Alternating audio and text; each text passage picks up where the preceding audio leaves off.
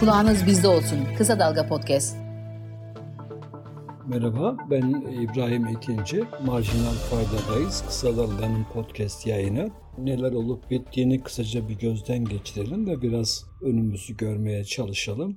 Şimdi geçen haftanın tabii ki en önemli işi ekonomide enflasyonla ilgili açıklamaydı. Ekim ayı enflasyonu biliyorsunuz açıklandı. Şimdi tüketici e, fiyatları, tüketici fiyat endeksi daha doğrusu aylık yüzde 3.43 yıllık olarak da 61.36 olarak açıklandı. Böylece e, yıllık enflasyon 3 ayın ardından ilk kez e, yavaşlamış oldu. Yavaşlamanın başlıca nedeni baz etkisi. Geçen yılın Ekim ayında aylık enflasyon 3.54'tü. Bu ay 3.43 gelince haliyle yıllık bazda da ufacık bir gevşeme olmuş oldu. Üretici fiyat endeksi ise aylık 1.94 geldi. Yıllık 39.39 geldi. Bir süredir biliyorsunuz devam ediyor bu tablo. Yani üretici fiyatlarının daki e, artış ya da üretici fiyat endeksindeki artışlar daha düşük oranını geliyor. Tüketici fiyat endeksi ile üretici fiyat endeksi arasındaki makas da e, açılıyor. Üreticilerin maliyet üstü zamlar yaptığını düşündürüyor. Çünkü tüketici enflasyonu neredeyse iki katı bir artış göstermiş tabloya bakınca. Enflasyon konusunda tabii asıl önemli olan e, Merkez Bankası'nın enflasyon raporu. Başkan Gaye Erkan açıkladı. 2023 enflasyon tahminini OVP seviyesine çıkardılar. Başkan Hafize Gaye Erkan 2023 yıl sonu enflasyon tahminlerini %58'den 65'e çıkardıklarını belirtti. 2024 enflasyon tahmini de %33'ten 36'ya çıkarılmış oldu. Şimdi başkanın açıklamasına göre dezenflasyon süreci 2024 yılının ikinci yarısında başlayacak ve istikrarlı bir gerileme izleyeceğiz sonrasında. O zamana kadar yükselmeye devam edecek ve 2024 yılı Mayıs-Haziran döneminde %75'in üstü bir enflasyon görebileceğiz. E, bu e, piyasa tahminlerinde de böyle. E, Haziran sonrasında gerçekleşen 23 puandan fazla artışa akaryakıt fiyatlarındaki artışın 4.8 puan, sepet kurda yani dövizde gerçekleşen %40'a yakın artışın efendim 4.3 puan ve vergi artışlarının ise 2.5 puanlık etkisi olduğunu söyledi Hafize Gaye Erkan. Şimdi bildiğiniz gibi ENAG'ın açıkladığı enflasyon TÜİK'in açıkladığının iki katı neredeyse. ENAG Ekim enflasyonunu aylık %5.09, yıllık ise 126.18 olarak açıkladı. Giderek yaygınlaşan kanaat şu, ENAG'ın rakamlarının e, hissettiğimizi daha doğru şekilde yansıttığı yönünde. Bakan Şimşek şeffaflık sözü verdiği halde biliyorsunuz kendisinden önceki dönem açıklanan ve çok tartışılan enflasyon rakamlarını denetime açmadı. Dolayısıyla son aylarda enflasyonun artık doğru açıklandığını kabul etsek bile e, yanlış rakamların üzerine açıklanmış oluyor. Dolayısıyla yılbaşı yaklaşırken yine bu tartışmalı enflasyon rakamları artışlar için baz oluşturacak ve haliyle yine haksızlık devam edecek. Şimdi emekçileri bu açıdan zor günler bekliyor. Çünkü e, Merkez Bankası Başkanı son enflasyon raporu sunumunda ücretlerdeki her 10 puanlık artışın enflasyonda 1 ila 1.2 puan artışa yol açtığını söyledi. Fakat kar marjlarındaki, şirket karlarındaki fahiş artışların şirketlerin maliyetlerinin çok üstünde zam yaparak sağladıkları astronomik karların etkisi hakkında ne bir çalışmadan söz etti ne de bir oran verdi. Şimdi daha önce de söyledim ortodoks iktisatçılar, ekonomistler bu tutucu yaklaşımdan, bu piyasacı yaklaşımdan ayrılmıyorlar. Onlar için şirketlerin fahiş karları sorun oluşturmuyor. Bakış açılarının merkezinde şirketler için her şeyin daha iyi olması var. Milyonlarca emekçinin yoksulluk pençesine düşmesini her zaman göze alınması zorunlu bir maliyet olarak görüyorlar. Enflasyonun karakteri hakkında bir çalışma yok.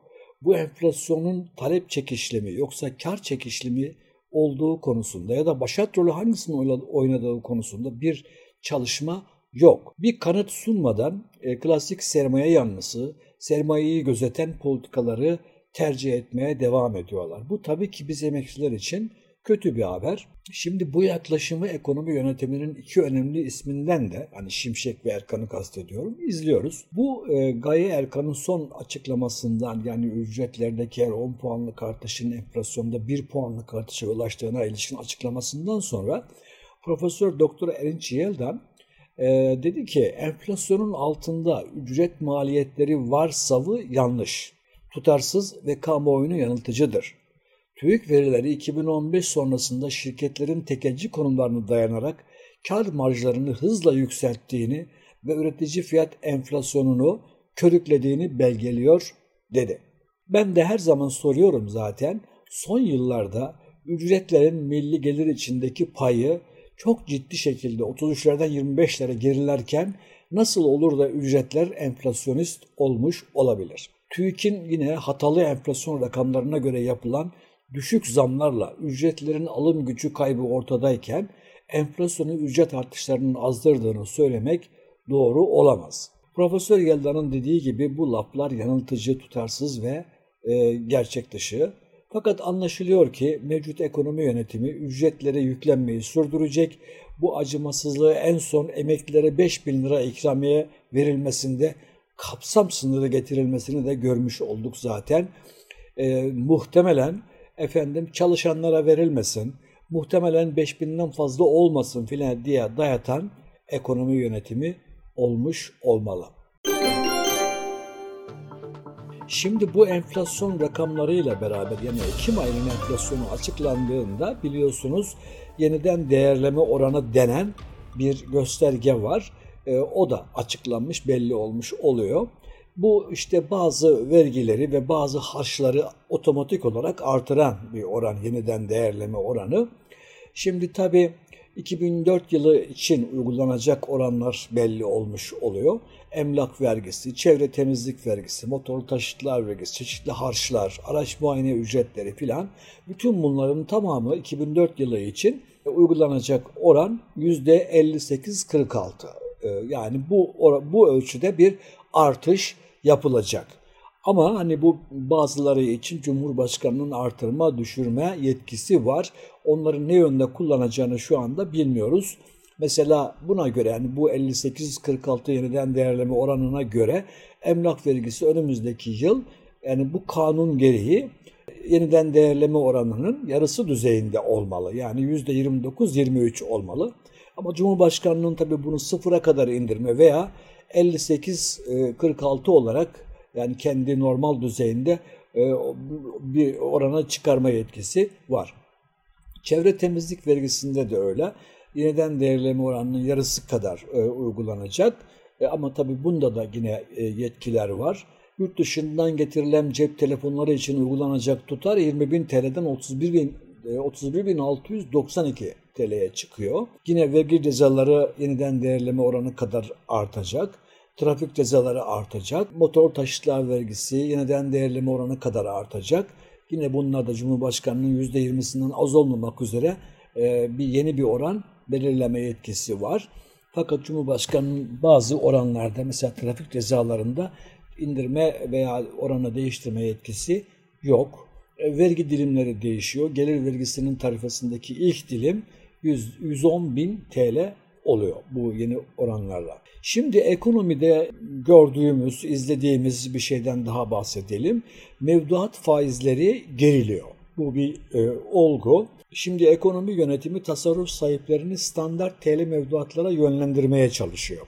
Yani e, KKM'den çıksınlar, normal TL mevduata geçsinler. Ama ortalama mevduat faizlerindeki geri çekilme geçen hafta da devam etti.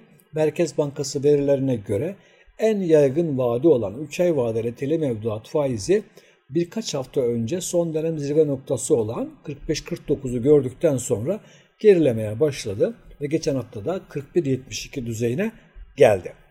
Bu gerilemenin nedeni hep söyledim bankaların hem Merkez Bankası'ndan daha düşük maliyetli yani politika faizi seviyesinden daha düşük maliyetli fon bulabiliyor olmaları hem de e, faiz tavanı tabanı ile ilgili kısıt kalktığı için KKM'den %20'nin bile altında maliyete fon bulabilmeleri.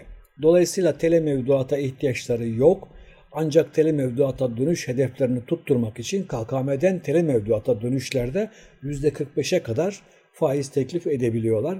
Ona mecbur kalıyorlar çünkü Merkez Bankası işte diyor ki sizin KKM'niz tele mevduatınız şu oranda olacak olmazsa ceza yazarım. Dolayısıyla bu dönüş halinde biraz yüksek mevduat, yüksek faiz verebiliyorlar. KKM'den çıkışta sürüyor. Zaten bütün bu önlemlerin bir amacı da bu. 27 Ekim haftasında KKM'den 62.3 milyarlık çıkış olmuş. Böylece son 10 haftada toplam çıkış 400 milyar TL'ye ulaştı. KKM'nin toplam bakiyesi de 3.4 trilyondan 3 trilyon liraya geriledi.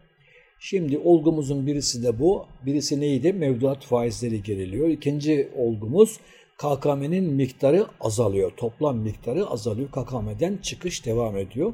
Ekonomi yönetiminin e, KKM'den çıkışı hızlandırmak için e, önlem üstüne önlem alması şeyini de izliyoruz, durumunu da izliyoruz.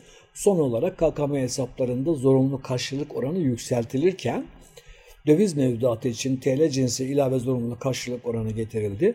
Resmi gazetede yayınlanan tebliğe göre 6 aya kadar vadeli KKM'de zorunlu karşılık oranı %25'ten 30'a yükseltildi.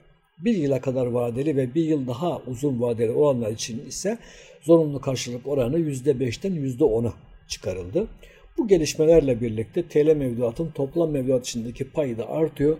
Hafize Gaye Erkan'ın son verdiği rakama göre %5 bir artış var. Şimdi dünyanın tabii beklediği bir başka olay Fed, Amerikan Merkez Bankası faizde ne yaptı? Ve Amerikan Merkez Bankası son iki toplantısında faizleri değiştirmedi, pas geçti. Bu son toplantıda da 5.25 e, ile 5.50 aralığında tuttu. Bu gerçi 22 yılın en yüksek rakamı ama e, yine de hani e, faiz artırmaması çok önemli. Fakat beklenti neydi? Faiz düşüreceği yönündeydi. Enflasyonda belirgin bir düşüş ivmesi hissedildiğinde faizlerin düşeceği, düşürüleceği yönündeydi. Ee, başkan, ABD Fed Başkanı e, Powell faiz indiriminin henüz gündemlerinde olmadığını söyledi. Para politikasında temkinli olarak ilerleyecekleri mesajını da verdi. Bu faiz toplantısından sonraki açıklamasında. ABD 10 yıllık tahvil faizleri 4 4.48, 2 yıllık tahvil faizleri 4.8 ya da 4.80, 5 yıllık tahvil faizleri ise 4 432 düzeyinde. 2 yıllık tahvil faizi bir ara 5'in üstünü gördü. Bu rakamlar, bu oranlar oldukça yüksek. Doların ABD tahvillerine park etmesini teşvik eden seviyeler.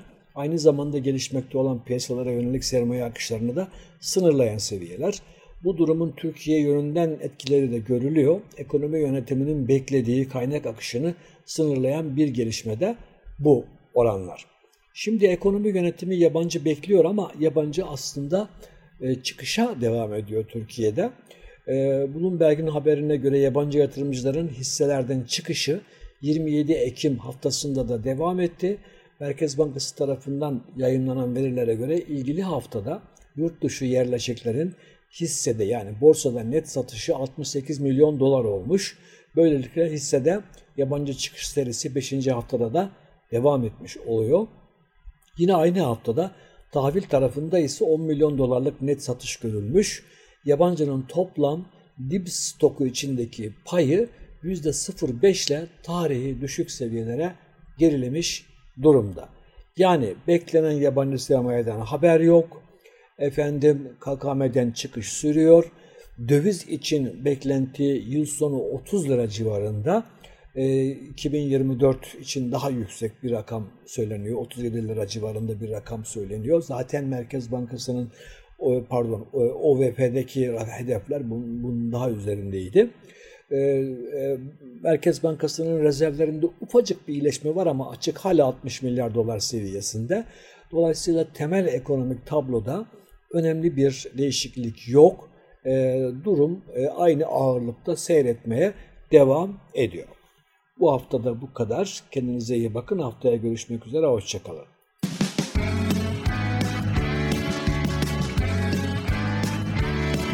Kulağınız bizde olsun. Kısa Dalga Podcast.